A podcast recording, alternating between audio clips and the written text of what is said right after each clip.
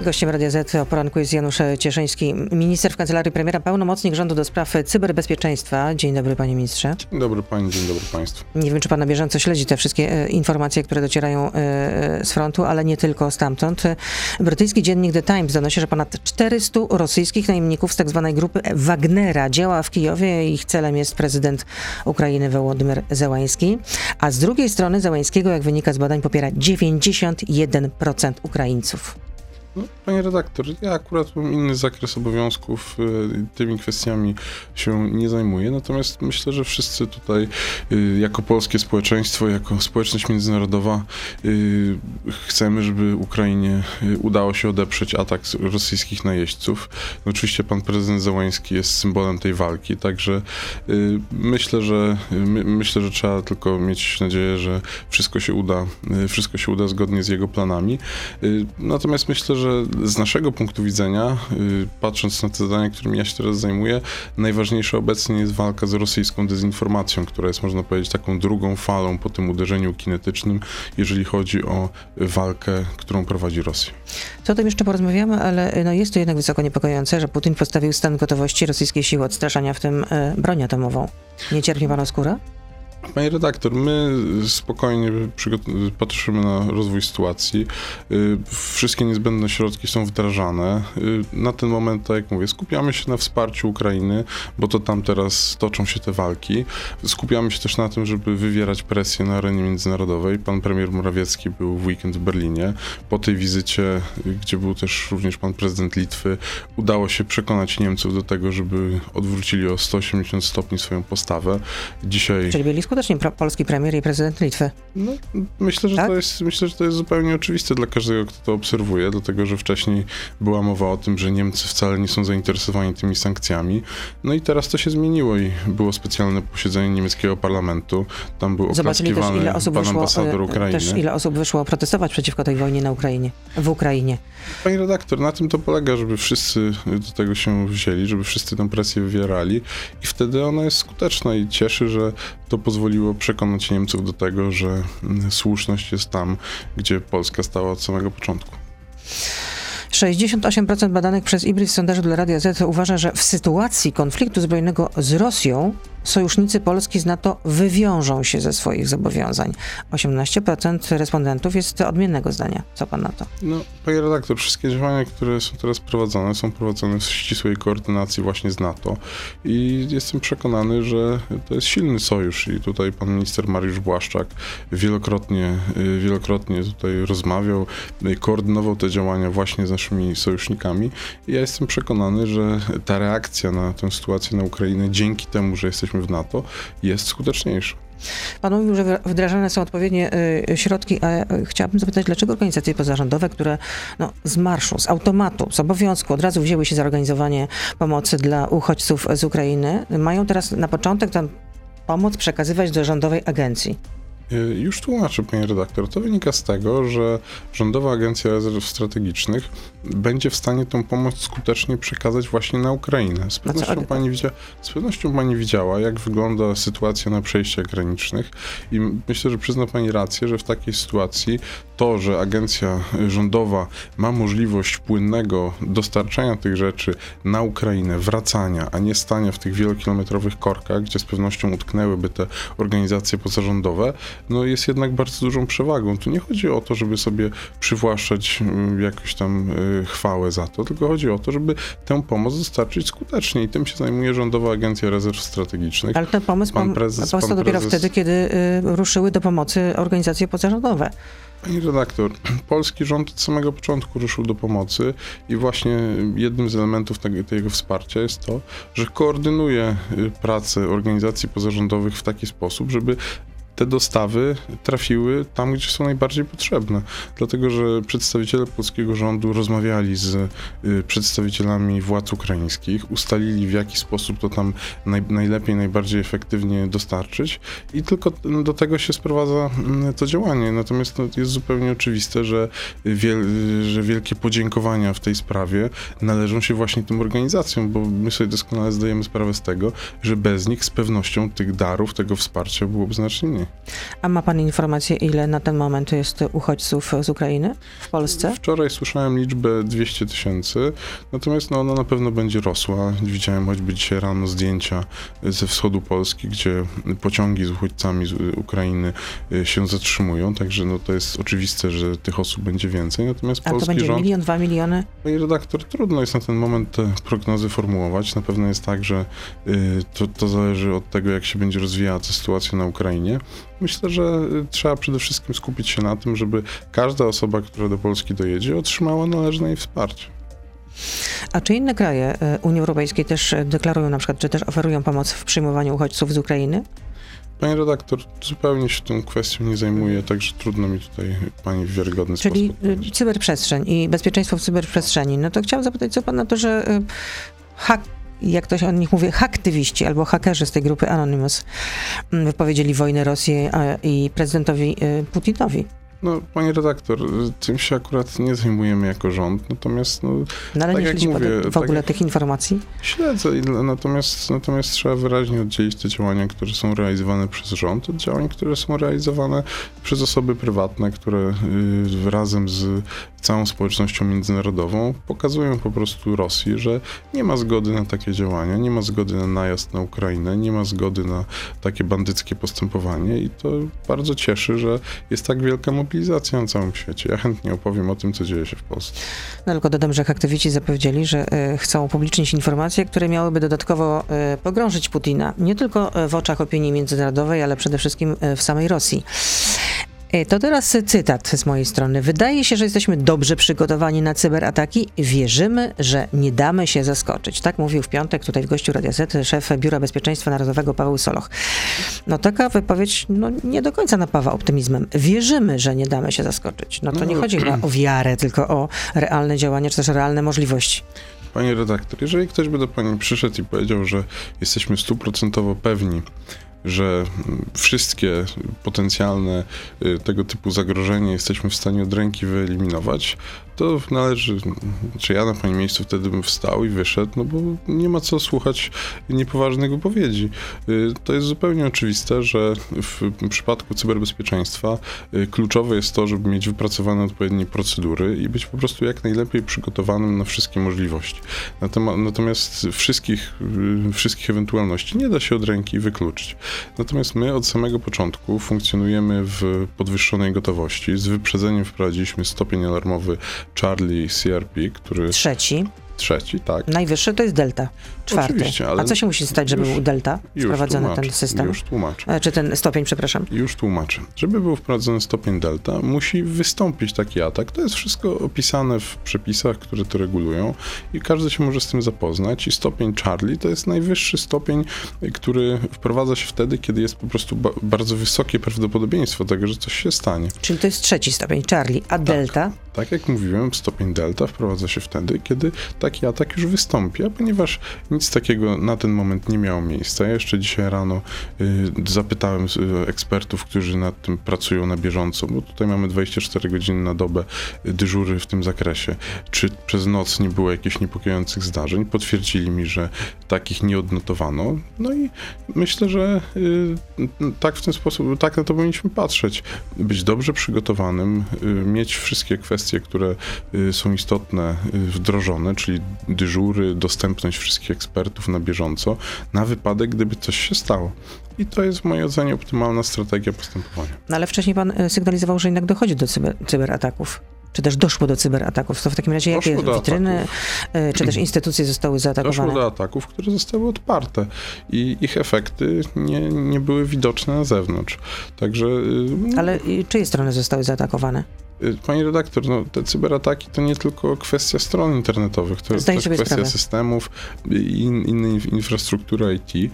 Były próby... I też punktów umiesz- strategicznych dla, z punktu widzenia e, funkcjonowania państwa. Oczywiście, oczywiście. No, dlatego właśnie te stopnie alarmowe dotyczą administracji rządowej oraz operatorów infrastruktury krytycznej, czyli właśnie tych y, instytucji, których y, unieruchomienie właśnie poprzez cyberatak doprowadziłoby do szkód no, dla szerokiej grupy y, ludzi. A co wchodzi w skład tej infrastruktury krytycznej, jak pan to określa? No, to są na przykład y, y, firmy energetyczne, bankowość.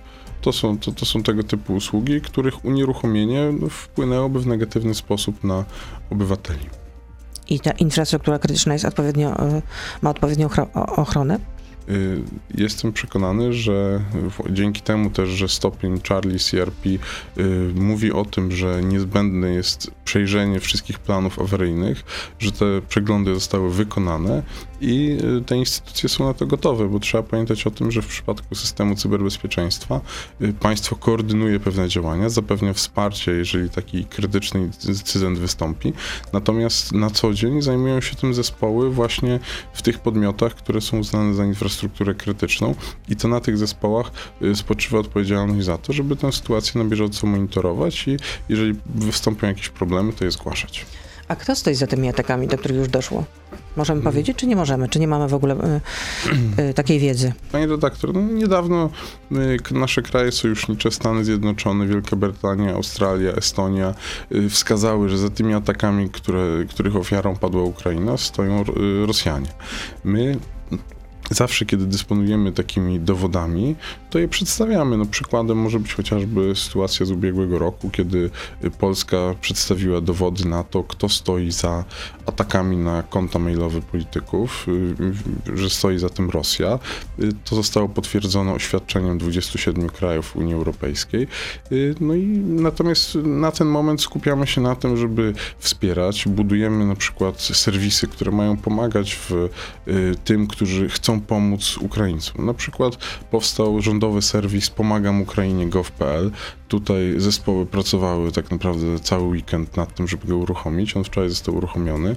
Yy, widzimy bardzo duży ruch w tym serwisie, nawet yy, kilkanaście tysięcy wejść na minutę yy, ten serwis odnotowuje. Yy, no i też bardzo aktywnie działamy na polu walki z dezinformacją. No to co robimy w takim razie na tym polu walki z, de z dezinformacją? Pan apelował do e, serwisów i do platform e, internetowych o to, żeby zablokować kanały, które rozpowszechniają dezinformacje w związku z atakiem to się Dzieje. to, się, to się dzieje. Na przykład wczoraj YouTube... Twitter, YouTube i Facebook. No jak, jak, jaka jest odpowiedź w takim razie ze strony tych platform cyfrowych? Różne platformy, różne odpowiedzi. Na przykład, na przykład Google na YouTubie zablokował dostęp do stacji Russia Today. Natomiast myślę, że to jest w ogóle ciekawa sprawa, ponieważ yy, polskie, polskie władze, wykorzystując dostępne sobie instrumenty, na przykład Krajowa Rada Radiofonii i Telewizji, decyzję o tym, żeby zdjąć te rosyjskie stacje podjęła w ciągu kilku godzin. Natomiast tym wielkim y, międzynarodowym firmom technologicznym takie decyzje zajmują dużo więcej czasu. To jest moim zdaniem niepokojące i dlatego zwracamy się z apelem o to, aby te firmy, które przecież doskonale wiedzą, y, jak to zrobić, y, włączyły się w tę walkę, dlatego że to jest teraz walka y, wolnego świata, to jest walka dobra ze złem, które symbolizuje Rosję. A czy zwykły użytkownik sieci może czuć się zagrożony, jest zagrożony? Y, oczywiście to jest taki czas, kiedy każdy powinien y, bardziej uważać, tak? A co to znaczy bardziej uważać? No już tłumaczę. Jest y, na stronie CERT Polska, www.cert.pl, taki poradnik, który mówi o takich najważniejszych rzeczach, które powinniśmy zrobić, żeby się zabezpieczyć, żeby le lepiej sobie radzić z takimi zagrożeniami w sieci. Myślę, że powinniśmy teraz zwrócić uwagę jeszcze bardziej niż zwykle na przykład na takie ataki typu phishing, czyli takie próby wyciągnięcia naszych loginów i haseł. Y, myślę, że to jest też taki moment, żeby zastanowić się, czy wszędzie tam, gdzie y, korzystamy z jakichś usług internetowych, mamy włączone dwuskładnikowe uwierzytelnianie.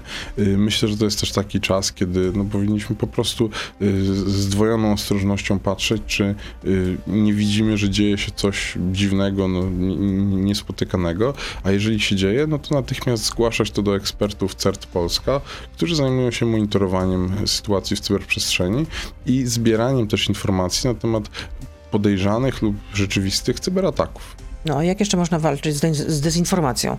Pan mówi, że to jest teraz takie, e, no, jedna z najpilniejszych potrzeb również. Uruchomiliśmy, uruchomiliśmy taki zespół fact-checkingowy, który można powiedzieć płynnie przeszedł z zadań związanych z walką z dezinformacją wokół pandemii. E, on uruchomił, jest uruchomione konto weryfikacja NASK, ono jest na Twitterze, na Facebooku. Zapraszamy wszystkich do obserwowania tego konta. E, tam pokazujemy przykłady tej dezinformacji. No i widzimy, że co prawda y, ten sentyment, jak to się mówi w tej branży, jest y, jednak bardzo w Polsce proukraiński, natomiast widzimy też próby budowania takich szkodliwych dla nas narracji. Na przykład była to narracja taka, że y, jest przez Polską Straż Graniczną stosowane, stosowane są jakieś kryteria, które uniemożliwiają osobom czarnoskórym wjechanie do Polski, podczas gdy okazało się, że to jest nieprawda, to jest klasyczny fake news, no i tylko możemy się domyślać, komu służy to, że tego typu informacje są powielane. Niestety także przez poważne media na Zachodzie. No to tyle w części e, radiowej. Pan minister z nami zostaje. Janusz Ciaszyński, pełnomocnik do spraw e, cyberbezpieczeństwa. E, no i jesteśmy już teraz na Facebooku, na Radio ZPL, na YouTube, więc proszę zostać z nami. A czy ma Pan jakieś informacje, Panie Ministrze, dotyczące... szczepień osób, które przekraczają granicę, bo y, słyszeliśmy, że osoby, które przekraczają granicę z Ukrainy są y, y, zwolnione z, z obowiązku mhm. kwarantanny i mogą się również zaszczepić. Mhm. Ktoś z tego korzysta? Jest jakieś zainteresowanie? Czy jeszcze za wcześnie, żeby w ogóle o tym mówić, bo na razie po prostu trzeba Panie zapewnić tym ludziom dach nad głową, te podstawowe potrzeby po prostu. Przede wszystkim schronienie. Myślę, że doskonale Pani odpowiedziała na to pytanie, które Pani zadała. Ja bym odpowiedział tak samo. No ale taka, bo taka możliwość, rozumiem, istnieje. Oczywiście, że tak. No teraz trwa, y, teraz trwa mobilizacja wszystkich podmiotów systemu ochrony zdrowia. Wszystkim zależy na tym, żeby tym osobom, które przyjechały z Ukrainy pomóc y, jak, naj, jak najlepiej potrafią. Dlatego ja jestem przekonany, że, że ta dostępność mm, szczepień, testów, wszystkiego, co jest potrzebne, y, jest bardzo duża. Polska była na to przygotowana w kontekście potrzeb polskiego społeczeństwa, natomiast te zasoby, które są zgromadzone w rezerwach, z pewnością wystarczą także na to, aby pomóc osobom, które przyjechały z Ukrainy. A jakie mamy scenariusze na najbliższe dni? Panie redaktor, no tak jak powiedziałem, przede wszystkim skupiamy się na dwóch aspektach. Po pierwsze, presji na arenie międzynarodowej, a po drugie wsparciem Ukrainy. I tu mówimy zarówno o wsparciu poprzez przesyłanie mm, darów i wszelkiego niezbędnego wsparcia na samą Ukrainę, ale też pomagania tym tysiącom czy setkom tysiącom osób, które przyjechały do Polski i teraz tej pomocy bardzo pilnie potrzebują. Wiemy, że to są przede wszystkim kobiety i dzieci, czyli no, osoby, które szczególnie tej pomocy potrzebują. I tutaj na wszystkich płaszczyznach, zarówno opieki społecznej, jak i opieki zdrowotnej, y, dostarczenia dachu nad głową, pożywienia. To wszystko trzeba zapewnić i na tym teraz rząd się skupi. E, rozmawialiśmy tutaj e, na początku, zresztą od tego rozpoczęłam, o e, prezydencie Ukrainy Wołodymyrze Zełańskim, który cieszy się ogromnym poparciem Ukraińców, obywateli Ukrainy. No a prezydent Duda na Twitterze napisał w te, w dwa, w w, i tutaj powołuje się na źródło, 24 TVU, a podają, że hersońscy Romowie ukradli Rosjanom czołg. No i tutaj były mm, uśmieszki, emotikony z uśmieszkami, albo nawet z wytkniętym językiem. Czy to jest język komunikacji, który przystoi głowie państwa? Panie redaktor, ja myślę, że na pewno nie przystoi osobie, która pracuje w rządzie, ocenianie głowy państwa i tego, co jej przystoi, a co nie. Ja myślę, że to jest tak, jak, jak to jest w internecie, że yy, w internecie, no to wszyscy wiemy, miesza się, mieszają się informacje, mieszają się, miesza się taki przekaz oficjalny yy, z pewnego rodzaju też humorem, którym w tym wypadku myślę, że ma na celu y, mobilizację, ma na celu pokazanie, że wspieramy. Zresztą, y, czy widzi Pani, ile było polubień pod tym wpisem? Bo jak ja patrzyłem wczoraj, to chyba paręnaście tysięcy, więc ale też, było jeśli... też, ale też było e, dużo negatywnych opinii w internecie, można było przeczytać na forach i e, było to szarowane z takim właśnie e, opatrzone takimi komentarzami, że może nie tego byśmy oczekiwali od prezydenta Panie RP. redaktor, pan, pan prezydent Andrzej Duda jest prezydentem wszystkich Polaków. Y, mm, w jednym z wywiadów tak, mówił, tak, że nie wszystkich. Także tak, jestem przekonany, że y, jestem przekonany, że jeżeli tu jest tak, że jednak większości osób y, to się podoba, to myślę, że nie warto nad tym jakoś szczególnie długo dyskutować. Myślę, że są znacznie ważniejsze sprawy y, do omówienia i załatwienia w tej chwili. No to jest jeszcze jedna ważna sprawa. A co z Polskim Ładem? Panie redaktor, ale... No bo pan miał stać na czele zespołu, który... Mhm. Pan, y, jak słyszeliśmy, stał, miał stać na czele y, zespołu, który miał y, opracować pakiet zmian, tak żeby no, obywatele no, tego tym, nie odczuli tak tym, tak boleśnie, tym... bo na razie jest jeden wielki chaos, przynajmniej tak słyszeliśmy do tej pory.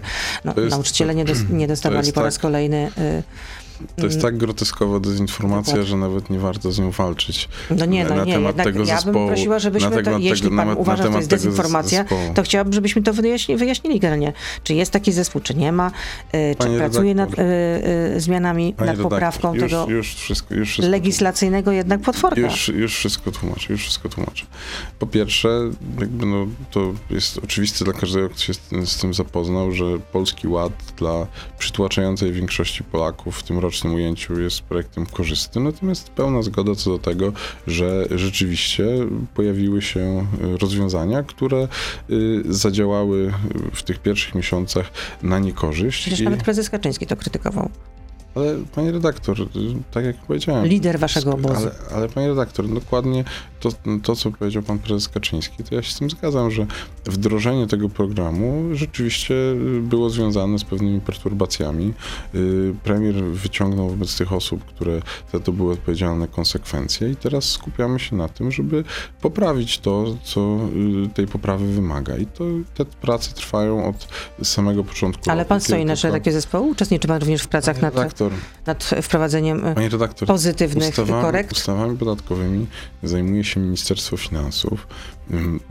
Pan minister Artur Soboń został powołany przez premiera właśnie do tego, żeby zająć się kwestiami związanymi z Polskim Ładem. I to właśnie w Ministerstwie Finansów uzyska Pani odpowiedzi na y, te najbardziej nurtujące w tej sprawie Panią pytania. Natomiast ja mogę tylko powiedzieć od siebie, że to jest oczywiste, że y, ta ustawa wymaga pewnych zmian, poprawek, tak aby wszyscy mogli jak najszybciej zobaczyć te korzyści, które ona ze sobą niesie. I Ale rozumiem, że pana nie ma w tym zespole, tak? Który pracuje y, Panie nad y, poprawką, nad Panie redaktor, poprawami. Pani zaczęła, pani zaczęła od tego, czy ja przewodniczę pracą jakiegoś zespołu. No, Teraz tak, słyszałam pani- w mediach. No to pytam w ogóle, pytam- czy pan jest przewodniczącym, czy w ogóle jest pan w tym zespole, Panie czy redaktor, uczestniczy pan ja- w pracach? Ja y, faktycznie... Chcemy wiedzieć, jak jest. Oczywiście, no to ja już tłumaczę. E, Jeżeli chodzi o tę kwestię, to y, rzeczywiście jest w ten sposób, że y, pod, były spotkania dotyczące kwestii Polskiego Ładu, w których uczestniczyłem, natomiast ani nie jestem liderem zespołu, ani moja rola w tym zakresie nie jest wiodąca, ponieważ tutaj wiodącą rolę mają eksperci, którzy pracują w Ministerstwie Finansów, ministrowie, którzy w Ministerstwie Finansów pracują i to oni za ten projekt odpowiadają. No ale pan jest też postrzegany jako jeden z najbardziej zaufanych ludzi premiera.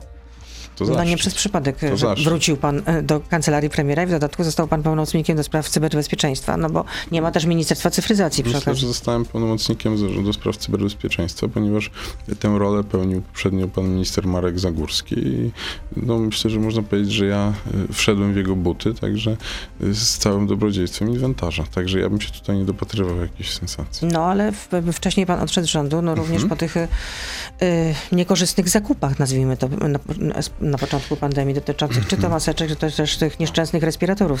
No oczywiście, tylko jak już też mówiłem pani redaktor kiedyś, y, jeżeli chodzi o te zakupy, no to w przypadku tych maseczek kwota znacznie większa niż ta, która została wydana, została zajęta później przez prokuraturę, także tutaj interes Skarbu Państwa jest zabezpieczony. Natomiast jeżeli chodzi o te drugie kwestie, no to mm, został, został wydany wyrok sądowy y, nakazujący zwrot pieniędzy przedsiębiorcy, który ten sprzęt dostarczał. Y, 20, o ile się nie mylę, 4 miliony złotych wróciły. Y, Wróciło to... szcz- Ale to nie jest cała też, Ale jeżeli pani mi pozwoli dokończyć, to może uda mi się całość tutaj wytłumaczyć. Oprócz tego zostało zajęte 418 sztuk respiratorów, które zostały przekazane do magazynów rezerw strategicznych.